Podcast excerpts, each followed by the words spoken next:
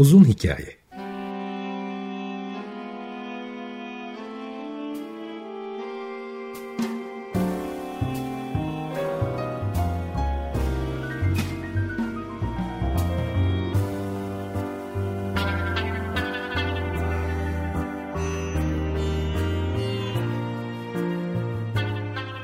Hazırlayan ve sunan Muzaffer Çorlu.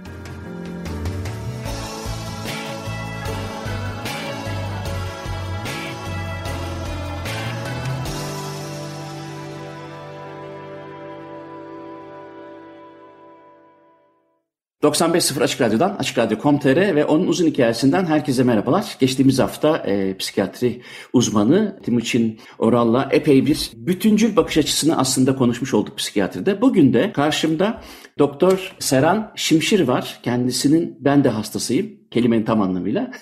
E, dolayısıyla e, Seran Bey'le de bugün bütüncül tıpla başlayacağız konuşmaya. Çünkü bununla ilgili aslında internette e, birbirinden farklı hatta tezat bilgiler var. Aslında günümüz insanı artık müzikten neuroscience'a, tıptan medikal, genel tıpa ve psikiyatriye bütüncül bakmayı aslında biraz daha e, önemli görüyor. Benim yaşadığım ülkede Belçika'da oldukça buna ilişkin makaleler okuyorum. Dolayısıyla Seren Bey'in de, Doktor Seren Bey'in de bütüncül tıp üzerine daha doğrusu bütüncül tıp e, bakış açısına sahip olduğunu biliyorum. Hem kendisinin hastası olduğum için biliyorum hem de yazılarından, Instagram'daki videolarından. Fakat şöyle açalım. Öncelikle bütüncül tıp dediğim gibi internette neredeyse anti tıp ya da işte alternatif tıpla karıştırılıp daha safsataya sanki yöneliyormuş gibi çok büyük bir yanlış anlama var benim gördüğüm kadarıyla. Halbuki zaten e, tıbbın kendisine bile bütüncül tıp demeye gerek yok. Çünkü tıp zaten bütüncül olmak zorundadır benim bildiğim kadarıyla. Siz bir doktor olarak nasıl bakıyorsunuz? İsterseniz önce kavramı bir netleştirelim.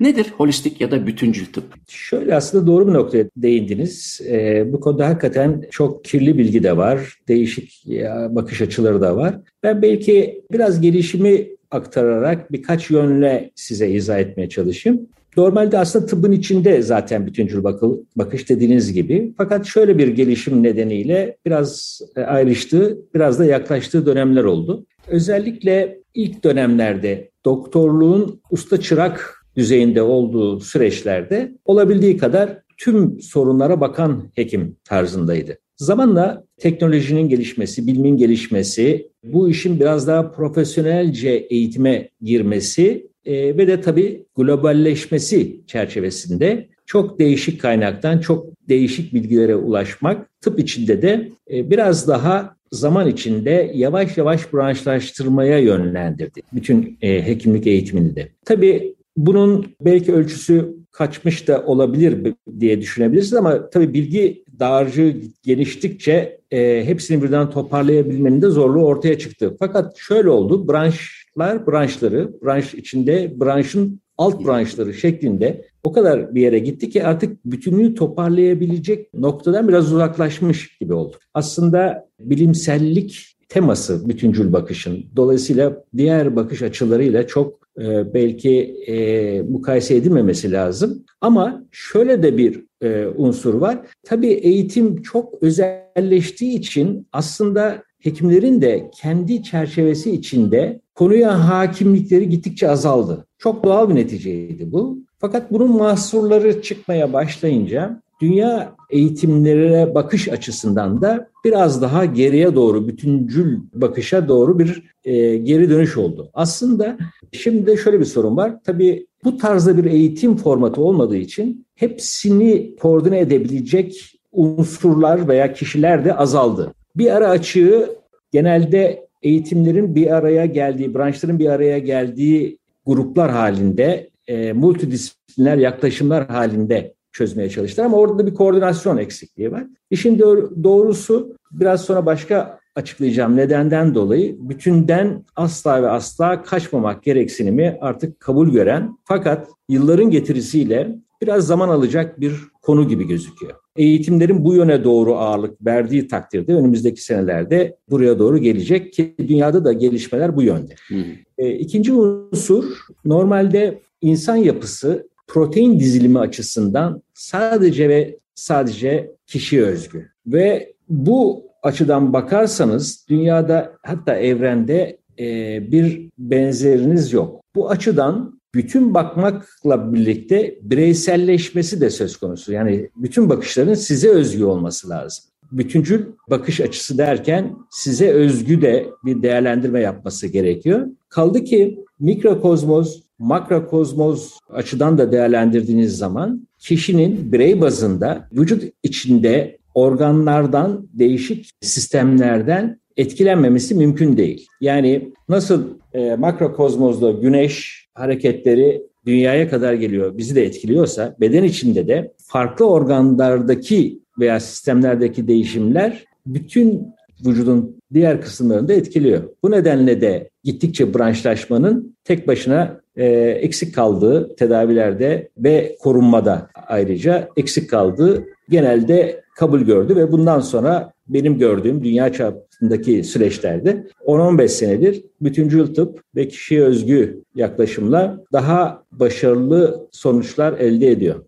Peki şimdi mesela herhangi bir hastalıktan bahsedelim. Genelde diyelim ki ben kendi e, son zamanlarda geçirdiğim hastalıklardan ötürü çok sıklıkla işte işim nefrolojiye ve de kardiyolojiye düşüyor. Fakat bunların ayrı ayrı doktorların gittiğim zaman birbirlerinden farklı olarak aslında aynı şey hizmet edecek şekilde örneğin çok basit bir şey var. O da mesela işte tansiyon yüksek olmamalı. Bu e, hem kardiyovasküler sistem için iyi değil hem de nefrolojik sebeplerle iyi değil. Fakat her ikisi birbirinden farklı sebeplerle bir sürü şeyi belki hesaba katmaksızın ayrı ilaçlar verebiliyor ve ben onları bir araya getirip siz bunu verdiniz, siz de bunu verdiniz, bunun sebebi şuydu, birisi işte içinde diüretik içeriyor, diğeri içermiyor gibi ben ara buluculuk yaparken buldum kendime. Çünkü e, şeyi anladım sonunda, bu belki e, her yere genellenemez, bu belki benim tecrübemdir. Dolayısıyla genellemek adına söylemiyorum ama benim tecrübemde e, nöfroloğun mesela e, kardiyologdan farklı olarak e, düşündüğünü, ha peki o zaman öyle öyleyse o zaman şöyle yapmalıyız gibi bir e, conclusion'a gittiğini gördüm. Ama buna benim müdahalem sonucunda ulaşıldı. Fakat daha sonradan da çok duyduğum bir şey var. Onlardan bir tanesi de mesela sadece e, iki tıp alanı değil ama birisi psikoloji, birisi e, sinir bilim ya da birisi de işte e, direkt tıbbı ilgilendiren hastalıklar da var. Mesela işte hepimizin bildiği belki psikosomatik hastalıklar e, herkesin bildiği şekilde söylüyorum ama e, bunun dışında nefrologların ya da kardiyologların genelde herkese asla kastetmiyorum ama mesela kişilik yapılarını, e, hangi koşullarda doğup büyüdüklerini, nasıl bir beslenme, nasıl bir kültüre sahip olduklarını e, ötelediklerini hissediyorum. Bunları hesaba katmakta biraz imtina ettiklerini hissediyorum. Genelleme yapmaksızın söylüyorum ama e, bu bütüncül tıp biraz önce anlattığınızda aslında bu tür yanlış anlamaları engellemek amacıyla da aslında tekrar çok e, özelleşmiş olan eğitimi biraz daha e, perspektifi genişletmek olarak görüyorum ben. Doğru anlamış mıyım?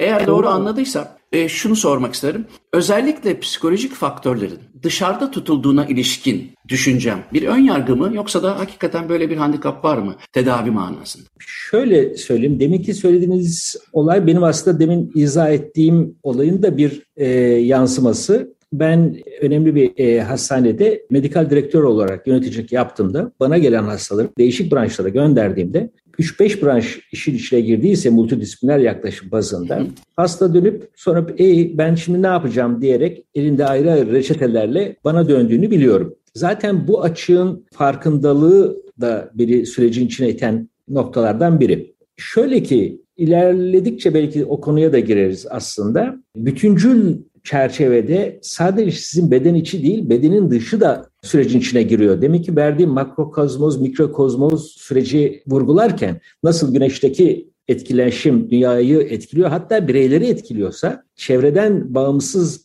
olarak da görmemek lazım. Her ne kadar beden sanki sınırlı gibi gözüküyorsa da cilt e, üzerinden aslında biraz daha büyüttüğünüz zaman görüntüleri uzaydaki gibi çok e, geniş aralıklarda porlardan geçişe de çok uygun. Bu moleküler bazda da olabilir, kimyasal bazda da olabilir. Aynı şekilde bunun yansımaları ruhsal bazda da olabilir. Şöyle ki ruhsal bazda da aslında sizin psikolojik ve diğer faktörlerde aslında nörotransmitter dediğimiz biyolojik iletilerle süreçler ilerlediği için şöyle bir yanılgı da olmasın özellikle vurgulamak istedim. Birçok çözülemeyen süreçlerde de bu hataya düşülüyor. Psikolojik diyerek öyle de bir kaçış alanı yaratılıyor. O kaçış alanında olmaması için sürecin her yönüyle biyolojik, kimyasal, fiziksel, fonksiyonel ve fonksiyonun oluşturduğu ruhsal süreç açısından da birlikte değerlendirmesi lazım. Tabii bütün bu birlikte değerlendirmeler de zaten sanki benim anladığım kadarıyla bir hastalığın sonucunda değil de muhtemel hastalıkların önüne geçmede de belki çok önceden başlanıp yani bu bakış açısını her bir bireyin koruyup ona göre bir hayat modeli biçmesi de gerekiyor ki bir takım şeylere kendini e, setlesin. Bir takım hastalıklara karşı setlesin. Çünkü genelde bir hastalık çıktığında anladığım kadarıyla zaten e, ciddi bir e, geçmişe sahip oluyor ve o artık bardağın son taşan damlası olmuş oluyor hastalık aslında değil mi? Çok önemli bir noktaya değindiniz. Bu konuda da aslında e, ben de planlamıştım bir şeyler söylemeyi. Şimdi hastalık bir sonuç tabii dediğiniz gibi.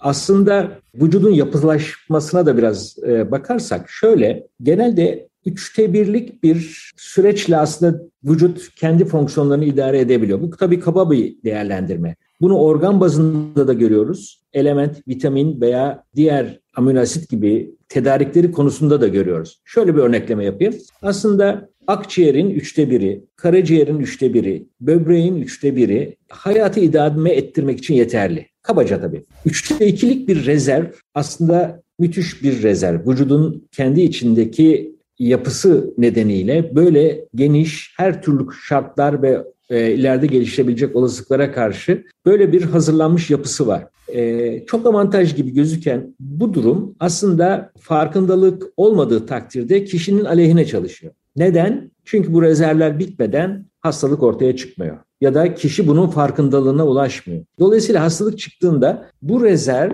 bittiği bir noktada aşağı yukarı oluyor. O yüzden yeni bir bakış açısı olarak da hastalıkları değerlendirmeden evvel e, eğer hastalık çıkmadıysa kişinin incelenmesinde bu rezervin neresindedir? Rezervi tükenmiş midir? Çünkü hiç kimse akşam yatıp sabah Alzheimer ya da kalp hastası olarak kalkmıyor. Metabolik olarak bir süreç geçiyor. Bu metabolik sürecin neresinde olduğu önemli. Doktor açısından da bu. Hastaya bakarken örneğin check-up'larda eğer bulgular normal sınırlarda ise referans aralıklarından kastediyorum. Birçok kişi için iyisiniz kavram içindedir. Halbuki bu metabolik sürecin neresinde olunduğu aslında önemli. Ve eğer bu farkındalık olursa hastalıkları oluşmadan rezervleri yerine koyarak süreci çok öteye taşımak mümkün oluyor. Zaten sağlıklı ve uzun yaşam içinde gereksinimiz o. Çünkü kimse e, durup dururken ölmüyor. Mutlaka bir hastalık üzerinden süreç işliyor. Kabaca hasta olmadığınız takdirde uzun ve sağlıklı yaşayacağınız noktasına çıkabilir süreç. Peki bütün bu anlattıklarınızdan tabii şeyi de hemen anlıyorum ki bu kadar bütüncül bakacaksak ilk önce nasıl beslendiğimiz, nasıl hava aldığımıza kadar indirgeyip hatta bunları sorgulamamız da bile gerekiyor ama burada giderek artan sayıda e, otoimmün hastalıklarına rastlıyorum. Bana mı rast geliyor bilmiyorum ama e, internette ben istatistikleri izlemeyi çok severim. Hangi hastalıklar nasıl artıyor ya da işte hani hangi ülkenin hangi kültür davranışları artıyor hem de programım için hazırlanma sürecinde onlara baktığım için şunu gördüm. Otoimmün hastalıklarında ciddi bir artış söz konusu. E, siz de bunu yani o dünya dünyadan olduğunuza göre e, görüyor musunuz? Ve bunun bir sebebi var mı? Stresle bağışıklık arasındaki korelasyonu elbette ki biliyoruz ama e, otoimmün hastalıklarında bir patlamadan bahsedebilir miyiz öncelikle? E, varsa bunun sebebi nedir? Aslında bahsedebiliriz. Bence çok da şaşırtıcı değil. Ben size mekanizmayı biraz daha izah etmeye çalışayım. Oradan zaten sonucu siz de çıkaracaksınız. Normalde vücut kendini korumak için sınırlama çerçevesinde en geniş yüzeyi vücudumuzun içinde olduğu için fark etmediğimiz bağırsaklar üzerinden sağlıyor. Yaklaşık yarım futbol sahası büyüklüğünde bir alana ulaşıyor eğer bağırsakları ütülemek gibi beceriniz Yüzey olsa. alanından bahsediyoruz. Yüzey alanından İç bahsediyorum. Yüzey. Müthiş bir alan. Düşünsenize yani sizin 2 metre karelik veya 2 metre küplük bir şey içinde bu alanı sığdırabilmek dehşet bir şey. Bunu da vücut için, e, bağırsaklar içinde mikrovilli dediğimiz ufak ufak iplikçi uzantılarla e, sağlıyor ve geniş bir yüzey oluyor. Bunun böyle olması lazım. Çünkü orası bizim tedarik yerimiz. Besinlerin parçalanıp, emilip tekrar kurulduğu yer. Birçok kişi bu konuda da yanlış anlıyor. Biz sindirimde bütün gıdaları en alt birimlerine kadar ayrıştırıyoruz, tek tek alıyoruz. Kendi bedenimize göre tekrar onları yapılaştırıyoruz. Lego gibi yani. Ve bunu yapabilmesi için bu hattın çok ince olması lazım. Gerçekten de bir hücre kalınlığında inanılacak gibi değil. Bütün bağırsaktaki bu kadar geniş alanda bir hücre kalınlığında bir kalınlıkla biz dışarıdan kendimizi korumaya çalışıyoruz. Bu konuya isterseniz çok daha detaylı girebiliriz ama bunu sadece biz de yapmıyoruz. Bizim üzerimizde yerleşmiş faydalı bakteriler grubu sayesinde de yapıyoruz. Bunların hem parçalama hem de koruma görevi var. Mukus e, oluşturarak hatta besinleri de parçalayıp metabolitler oluşturarak. Bu da aynı zamanda bariyer görevi olarak dış etkenlerden istemediğimiz maddelerin girişinden engelliyor. Tabii kendi içinde gerek kişinin yaşam tarzı nedeniyle gerekse de organizmanın bazı eksiklikleri ve defekleri nedeniyle hata da yapabiliyor. Hata yaptığı zaman bu tek hücre kalınlığında birbirine tight junction dediğimiz sıkı bağlarla bağlı olan bağlar genişliyor ya da hücrelerin içinden bu istemediğimiz yabancı maddeler ki bunlar mantarlar, parazitler, bakteriler, virüsler ya da benzer toksik maddeler olabiliyor. İçeri giriyor. İçeri girmeye başladığı anda bu yapıyı bildiği için vücudun ağırlıklı olarak yerleştirdiği bağışıklık sistemiyle karşılaşıyor. Bağışıklık sistemiyle karşılaştığı zaman enflamasyon dediğimiz bir süreç başlıyor. Bu enflamasyon, iltihabi süreç bazen lokal olarak orada işi bitirebiliyor. Bazen de genel anlamda histamin deşarjları ve şeyle alerjilerin ve genel anlamda bedenin hatta beynin de ki birçok psikolojik etken olarak değerlendirdiğimiz konunun orijini budur. Oralarda yansımaları oluyor. Bu arada tabii ki demin söylediğim size özgü protein dizilimi haricinde yabancı protein dizilimleri ne karşı vücut bir reaksiyon oluşturuyor. Ama yapı nedeniyle çok kolay olmamakla birlikte bazı benzerlikler oluyor. Diyelim ki uzun bir iplikli e, tesbih gibi dizilim düşünün protein zincirinde. Bu protein zincirinin 8, 9 belki 15 hanesi çok yakın bir şekilde vücuda kendi vücudunun ben olarak tanıdığı ve reaksiyon göstermediği protein dizilimlerine yakın olursa bu sefer onlara da saldırıyor. Otoimmün hastalıkların orijini aslında burada başlıyor. Uzun müddet biz eklemlerde veya gözüktüğü yerde aradık aslında etkeni. İşin orijinde buradan geldiğini yeni belki e, fark ediyoruz ve buna göre önlem almadıkça gerçek bir tedavi görmek de çok zor. Hocam Mesela, şöyle yapalım dilerseniz. Bir müzik arası verelim. Ee, sonra bu konuyu derinleştirelim. Örneklerinizi alalım. Olur mu? Tabii. Tamam. O zaman Thelonious Monk'tan I Mean You'yu dinliyoruz. Sonra Doktor Seren Şimşir'le beraber konunun ayrıntısına gireceğiz. Evet. Thelonious Monk'tan I Mean You'yu dinledik. Karşımda Doktor Seren Şimşir var. Hocam şimdi e, ayrıntıya girmiştik. Örnek veriyordunuz.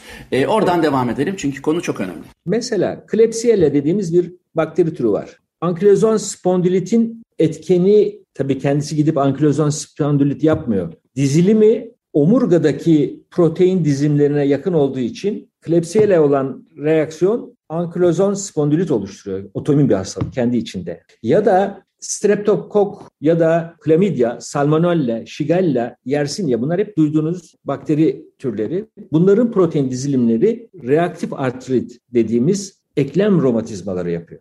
Streptococcus pyogenes e, romatizmal ateş yapabiliyor. Bunun gibi çok örnek var.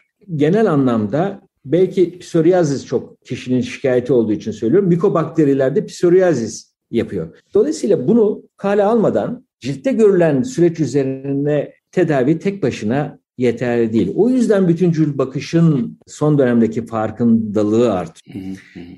Tabii uzun bir eğitim olduğu için tıp eğitimi, yapılan eğitimler de 20, 30, 40 senelik birikimler sonucunda olduğu için bunun değişimi biraz zaman alacak. Görüntü öyle gösteriyor. Otoimmün hastalıkların artması da çok normal demiştim ben. Çünkü artık biz eskisi kadar bağırsağımızı koruyamıyoruz. Neden? Yabancı cisimlerle karşılaşma olasılığımız çok yüksek. Bunu endüstriyel hayatın bir unsuru olarak bize yansıması olarak değerlendiriyorum. Çünkü rafine yiyecekler, rafine içecekler, içine konulan katkılar, kimyasal maddeler, antibiyotikler, işlenmiş gıdalar bütün o duvarı, ön yapısını, faydalı bakterileri kendi içinde e, elimine edip bu karşılaştırmayı sıklaştırıyor. Ve vücut ilk başta belki tolere edebilecekken zaman içinde sürekli aynı şeylerle mücadele ettikçe otoimmün hastalıklarını da artışı bu açıdan çok olası geliyor. Kaldı ki başka bir faktör de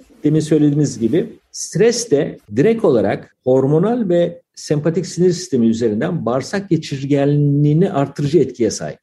Bu da bir başka faktör olarak karşımıza geliyor. Yani normal şartlarda sürekli stres, kronik stres altında olan ki endüstriyel hayatta çalışma şartlarını, yaşam şartlarını biliyoruz. Gün yüzü görmeyen insanlar doğadan çok uzak, ağır iş baskısı, toplum baskısı ya da diğer faktörlerle kronik stres çekiyorlarsa bağırsak geçirgenliğini arttıran ve yine yabancı proteinlerle bağışıklık sisteminin yüzleşmesini sağlayan ve buna bağlı reaksiyonları arttıran bir süreç olarak bize dönüyor.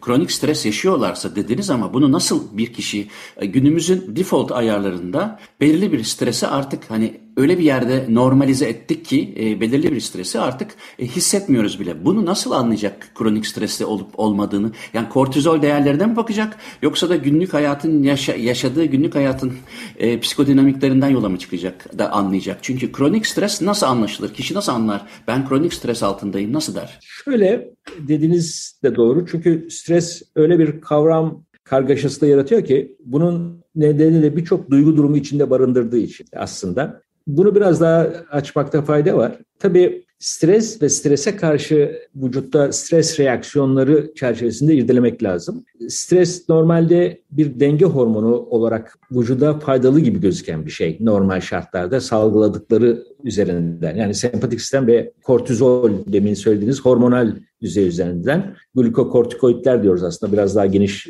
çerçevede. Bunlar olağanüstü durumlara karşı salgılarını arttırarak vücudu çeşitli faktörlerden koruyorlar. Mesela vahşi bir hayvanla karşılaştığınız zaman vücut içinde size kaç ya da dövüş egzersizini verecek bir organizasyon var. Muhteşem bir şey. Yani aslında derine indikçe bunu da bu arada vurgulamak istiyorum. Bedenin yapısına hayran kalmamak mümkün değil ve her gün de artıyor hayranlığım. Bu çerçevede belirli bir dönem vücuda faydalı denebiliriz. Hayatı sürdürmeyi sağlıyor. Çünkü kaçmazsanız vahşi hayvan tarafından parçalanabilirsiniz. Benzer örnekleri içeride de vermek e, mümkün. Yani şehir hayatımızda sadece vahşi doğada değil. Olaylar karşısında tepkilerinizde sizi yapmanız gerektiğini e, ve vücut içinde gereksinimleri sağlayan bir hormon ve sempatik sistem deşarjı. Ama süre çok uzarsa yıpratıcı hale geliyor. Onun için kronik stres lafı önemli. Yani stres tek başına o anlamda kullanılmamalı. Kronik stres şöyle bir etkiye sahip oluyor. İsterseniz bu konuya da girelim. Tabii tabii. Kortizol yüksekliği ve yüksek stresin uzun müddet kalması öncelikle beyin üzerinde bir takım etkiler yapıyor. Hipokampus üzerinde özellikle kortizol reseptörü çok olan bir organ olduğu için en büyük hasarı orada yapıyor ve bu da hafıza ve şeyle ilgili ve eğer süre uzarsa hipokampus küçülüyor. Organik olarak da küçülüyor. Saplanabilir düzeyde. Eskiden biz tabii sinir üzerindeki süreçlerin geri dönüşümsüz olduğunu biliyorduk ama gittikçe işte nöroplastisite kavramı içerisinde e, bir takım süreçlerin yeniden kazanılabildiği yönünde şu andaki bilgiler. Vücut bu tahribatı engellemek için beynin de kendi sistemleriyle beraber biraz da kortizol böbrek üstü bezinden salgılandığı için böbrek üstü bezindeki tükenmişliğe bağlı olarak seviyesini düşürüyor. Düşmeye başlayınca başka bir problem çıkıyor. Yani ilk baştaki beyinde yüksekliğinin beyinde olan yan etkisi düzeyi eğer azalırsa da kortizolun ve sempatik sistem deşarjının enflamasyon üzerindeki baskısı ortadan kalkıyor ve bildiğimiz kronik hastalıklar için bir zemin oluşturuyor. Çünkü bağışıklık sisteminin aktivasyonu artıyor, enflamasyon artıyor ve kanser de dahil olmak üzere otoimmün hastalıkların ve bütün kronik hastalıkların karşımıza çıktığı bir süreç oluşturuyor. O yüzden kronik stres bizim için önemli. E, stresle tabii ki çocukluk döneminden hatta anne karnı döneminden itibaren başlayan bir sürecin bedenimize yansımaları var. Bu eğer e, stres sağıtımını, management'ını iyi yapabiliyorsa belki çok zarar vermiyor ama beyin gelişimi sırasındaki bu süreçler eğer çok etkiliyse ileri dönemde psikosomatik hastalıkları da zemin hazırlayan ve kronik stresin bedende oluşturduğu hasarlarla bir takım hastalıkları da e, ortaya çıkaran bir tablo ortaya çıkıyor. Şimdi stresle baş etme yolları hiç o kadar kolay değil. Çünkü öncelikle insanın stres altında olduğunu bilmesi gerekiyor. E, o da bir farkındalık durumu. Şimdi ben iğneyi kendime batıracağım. Ben de bir psikolog olarak stresle baş edemeyen birisi olduğum için kortizol değerlerim de yüksek. Siz beni o konuda daha iyi biliyorsunuz.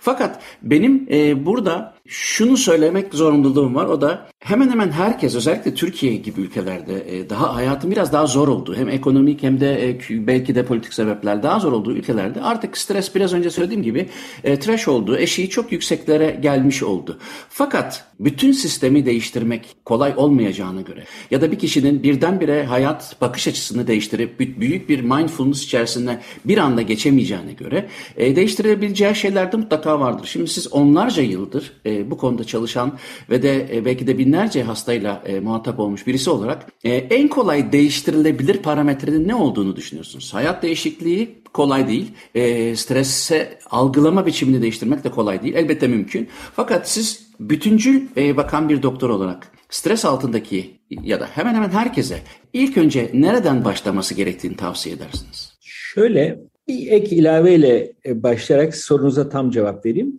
Eskiden stresten uzak dur tavsiyesi niteliğinde olan tıbbi yaklaşım şimdi içeriden de kortizol seviyelerine switch ederek veya switch etmeye çalışarak e, kişiye yardımcı olma şansına sahip. Bu çok farklı bir bakış açısı ve önemli bir e, Ama bunu özellik. açalım. Bundan ne kastettiğimizi açalım lütfen. Onu da geleceğim ama önce o zaman sizin söylediğiniz tamam. soruya cevap vereyim.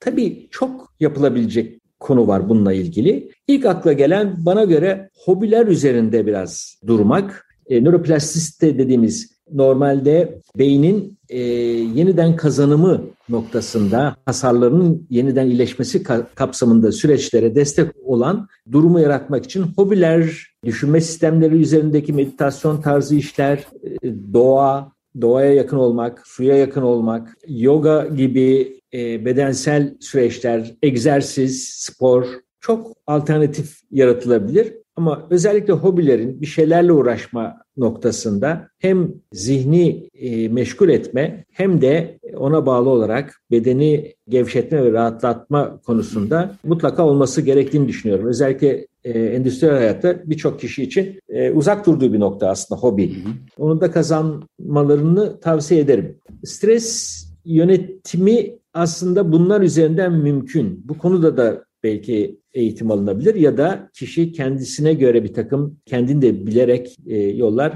yaratabilir. Diğer konu ise içeriden switch etme e, noktası ise şöyle. Eğer stresin etkisi sizde kortizol düzeyini arttırıyorsa henüz tükenmeden evvel kortizol düzeyini aşağı çekebilecek bir takım supplementler, bir takım katkılar vermek mümkün bedene. Bu esnekliği sürdürmeyi sağlayacak. Çünkü ben demin söylemiştim. Normalde olağanüstü durumlara karşı da faydalı olabilen bir yapılaşmayı sürekli yüksek tutarak o esneklik marjını da kaybettirerek götürmek mümkün değil. Onu aşağı çekerek belirli bir limit içinde tutarak kişiye yardımcı olmak da mümkün. Bunun için destek geniş kapsamlı demin söyle, e, daha evvel konuştuğumuz gibi bu da multi yaklaşımlı bir şey. Antioksidanlardan zengin beslenme tarzı, yemek tarzı, stres oluşturan unsurların ortadan eliminasyonu veya başka stres faktörlerini doğuracak faktörlerin ortadan kaldırılması gibi bir sürü yan destekle eskiye göre çok daha müdahaleci bir şansımız var.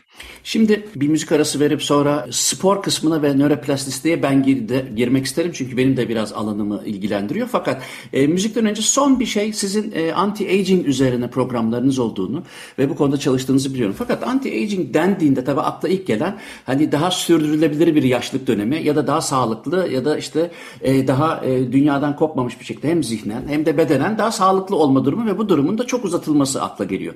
Fakat anti-aging dendiği zaman buna bir sınır koymayıp aslında doğduğumuz an hatta anne karnından bile başlayan bir süreç oldu belli çünkü o zamanlar ne yaptığımız, ne yediğimiz, ne içtiğimiz, stres nasıl algıladığımız sonra e, yaşlılık dönemi işte nereye konuyorsa o oraya ilgilendirecek. Fakat sizin e, anti-aging bakış açınız nedir temel olarak? Yani e, bu konunun popüler olmasından ötürü gene safsatadan biraz arındırıp tıp biliminin merkezine koymak istiyorum bu durumu. Anti-aging nedir hakikaten? Yine doğru bir soru. Anti-aging kelime olarak çok yerde kullanılan bir kelime haline geldiği için ben de biraz ayrıştırmak isterim. Aslında işin doğrusu iç ve dış yaşlanmama üzerine e, süreci götürmek. Bizde daha çok o dış kozmetik alan anti-aging olarak e, değerlendirilmeye başladı genel anlamda. E, dediğiniz gibi 20 yaşa kadar kişinin gelişim süreci 20'li yaşlardan sonra artık yıpranma sürecine gidiyor. Bu yıpranma sürecini iyi monitörize edebilirseniz normal şartlarda, demin söylediğim rezervleri yeterince doyurabilirseniz süreci yavaşlatabiliyorsunuz ya da nerede ne müdahale yapmanız gerektiğini bile biliyorsanız olabilecek e, sıkıntıları önceden engellediğiniz için süreci pozitif anlamda hem sağlıklı hem de uzun yaşama anlamında sağlama eskiye göre çok daha olası.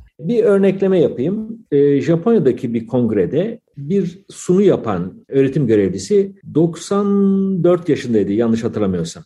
Hem kendi birikimlerini, yaşam birikimlerini hem de bu konudaki fikirlerini aktardı. Gerçekten de aktivasyon çok önemli. Yani kas erimesi, kas gevşemesi, belirli bir yaştan sonra aktive olmaması veya hormonların azalması nedeniyle ki orada da hormonlar yaşlandığımız için mi azalıyor, azaldığı için mi yaşlanıyoruz noktasını da belki vurgulamak lazım. Bunların da iyi monitörize edilerek aktive kalabilmeleri çok önemli. Gerçekten de özellikle kadın ve erkekler için de testosteron gibi kas destekleyen ya hormonlar yanında onlar açısından yeterince beslenip beslenemediğini de irdelemek lazım. Önemli faktörlerden biri de hiçbir zaman hayattan kopmamak lazım. Onun da özellikle söylemek istediği o. Bizim ananevi yaklaşımlarımız, geleneklerimiz yaşlara aslında e, olabildiği kadar hürmet etmek, onları işte aktive etmemek yoluna gittiği için bunu da irdelemek lazım. Aman kalkma suyu ben getireyim, aman kalkma şey yapayım derken kişiyi pasifize etmek, güç kaybettikçe normal toplumsal süreçlerinin dışına çıkarmak, buna bağlı olarak depresi olmak ve arkasından hayata küsmek gibi bir tehdit olduğunu o e, 94 yaşındaki öğretim görevlisi özellikle vurgulamıştı ki çok akla yatkın. Bütün bu süreçleri e, biraz coaching tarzı olmak kaydıyla kesitler olmaz çünkü bu iş. Gelip bir kesit alarak kişiyi yönlendiremez. Uzun soluklu bir iş. Ama bunu takip ettiğiniz takdirde bunu sağlamak mümkün. Örnekleri var. Tabii biraz ekonomik bir süreç. Bununla ilgili zaten dünyada yaş ortalamalarının da çok yükseldiğini ve yüksek yaşta aktive e, insan sayısında çok arttığını söyleyebilirim. Japonya'da 100 yaşın üstünde 2 milyon kişi yaşıyormuş. Şimdi şöyle yapalım. Sarah Vaughan'dan Lullaby of Birdland dinleyelim. Sonra e, hem nöroplastisiteyi e, ilgilendiren hem de hareketten bahsettiniz. Sporun, müziğin yaşı neden olmaz onu konuşuruz.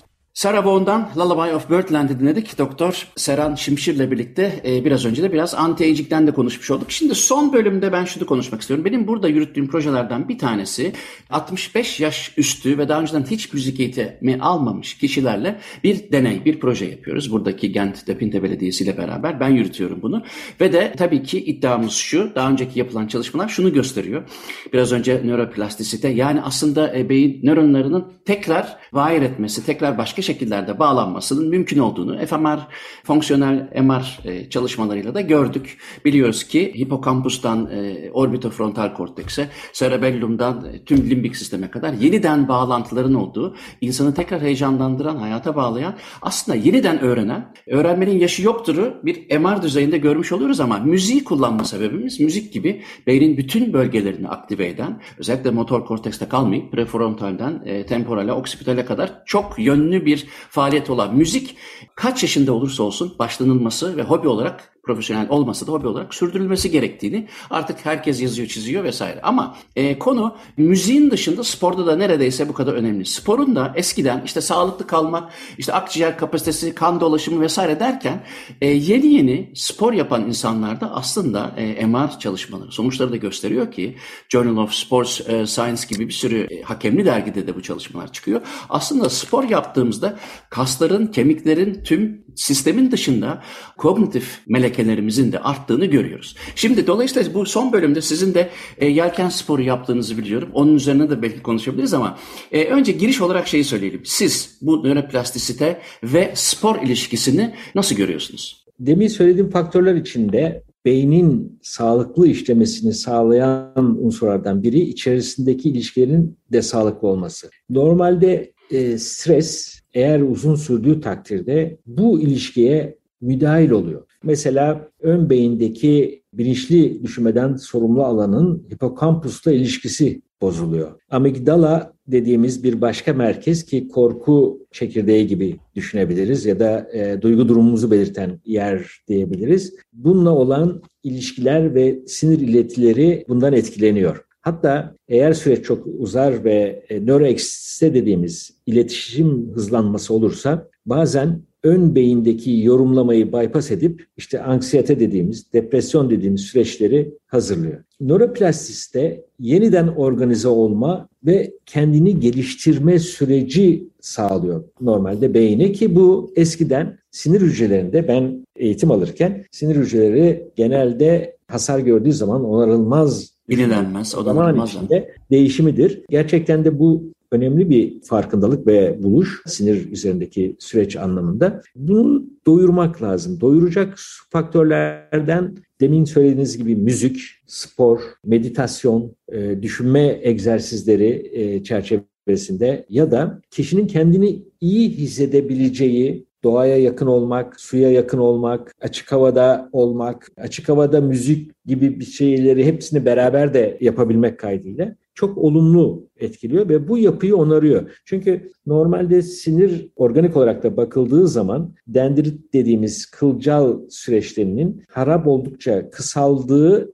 ve etrafla olan ilişkisinde bu çerçevede bozulduğunu da görüyoruz. Ee, diğer e, sinir hücreleriyle olan ilişkisinde. Bunları sağlamada yeniden organize ve kendini geliştirme çerçevesi içinde bütün bu olumlu yaşam tarzı değişikliklerin katkısı var. Ve dengeye ulaştırdığı için ileride olabilecek otoimmün tarzı veya kronik olan hastalıkları da e, engelleme avantajı var. Niye? Çünkü siz bu çerçevede kortizol ve sempatik sistemin de elastisitesini yani elastikiyetini kazandırmış oluyorsunuz. Çünkü öbür türlü tükenmişliğin sonu belli. Kortizol ve şey değerleri düştüğü zaman kronik hastalıkların kapısı açılıyor demek bu. Siz bunu bu katkılarla engelleyebildiğiniz müddetçe sağlıklı yaşama, sağlıklı bir ruhsal duruma kavuşma şansınız çok yükselmiş oluyor. Mutlaka ve mutlaka desteklenmesi lazım. Herkesin en azından bir hobisi olması lazım. Eğer uzun ve sağlıklı yaşamak istiyorsa. Ben bu çerçevede yelken sporuna bir e, uzun süreli yatkınlığım var. Bunda başka faktörlerin de etkili olduğunu da düşünüyorum. Çünkü normal şartlarda yelken sporunu doktorlukla çok özdeşleştiriyorum. Nereden çıktı diyeceksiniz.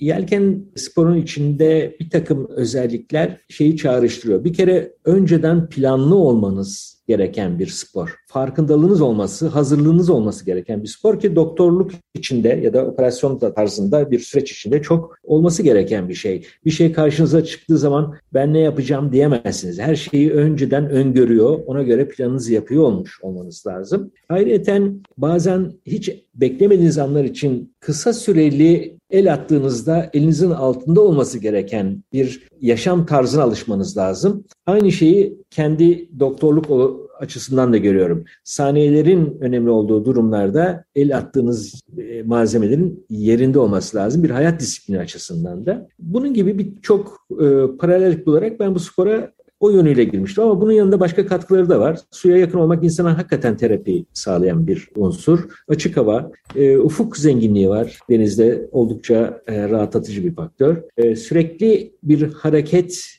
yapma durumunda kalıyorsunuz.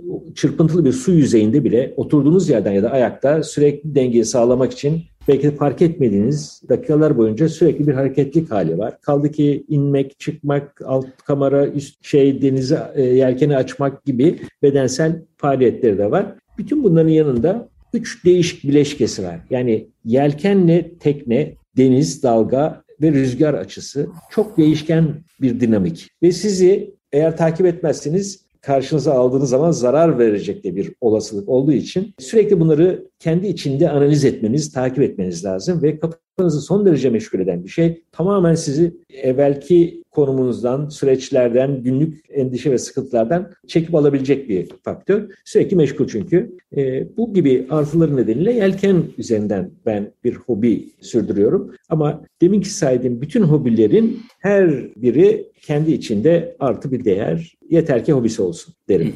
Zaten son yapılan çalışmalarda da gerçekten de insanların özellikle Avrupa'da artık hobilerin ödendiğini ya da pahalı hobilerin önemli bir kısmının vergiden düştüğü gibi güzel haberler var. Umarım Türkiye'de de böyle şeyler olur. Çünkü özellikle yelken gibi sporların e, aynı zamanda e, pahalı sporlar olduğunu biliyorum ama son söz olarak şunu istiyorum sizden. Çünkü İstanbul'da genellikle spor yapılan e, alanların kapalı bir takım iş merkezlerinde ya da alışveriş merkezlerinin içindeki kapalı spor salonları olduğunu görüyorum. Yeni okuduğum bir makale var. Bunun yararının spordan elde edecek yararı minimize olduğuna ilişkin bir yazı okudum. Doğru mudur gerçekten? Açık havada koşmak, yüzmekle spor salonunda yürüyen bantta koşmak arasındaki farkı bilimsel olarak anlamlı bulabilir miyiz? Teorik olarak bulunabilir gibi duruyor. Şöyle ki aslında biz özümüzde doğadan geldiğimizi varsayarsanız öze yakın olmak artılarıyla dönüyordur vücuda. Gerçekten suyun meditasyon etkisi çok yüksek. Yani rahatlatıcı bir şey var. İçinde olmak, yanında olmak. Doğada kapalı alanlara göre çok daha fazla e, sağlıklı havaya kavuşma şansınız var. Bir kere suni bir ortamda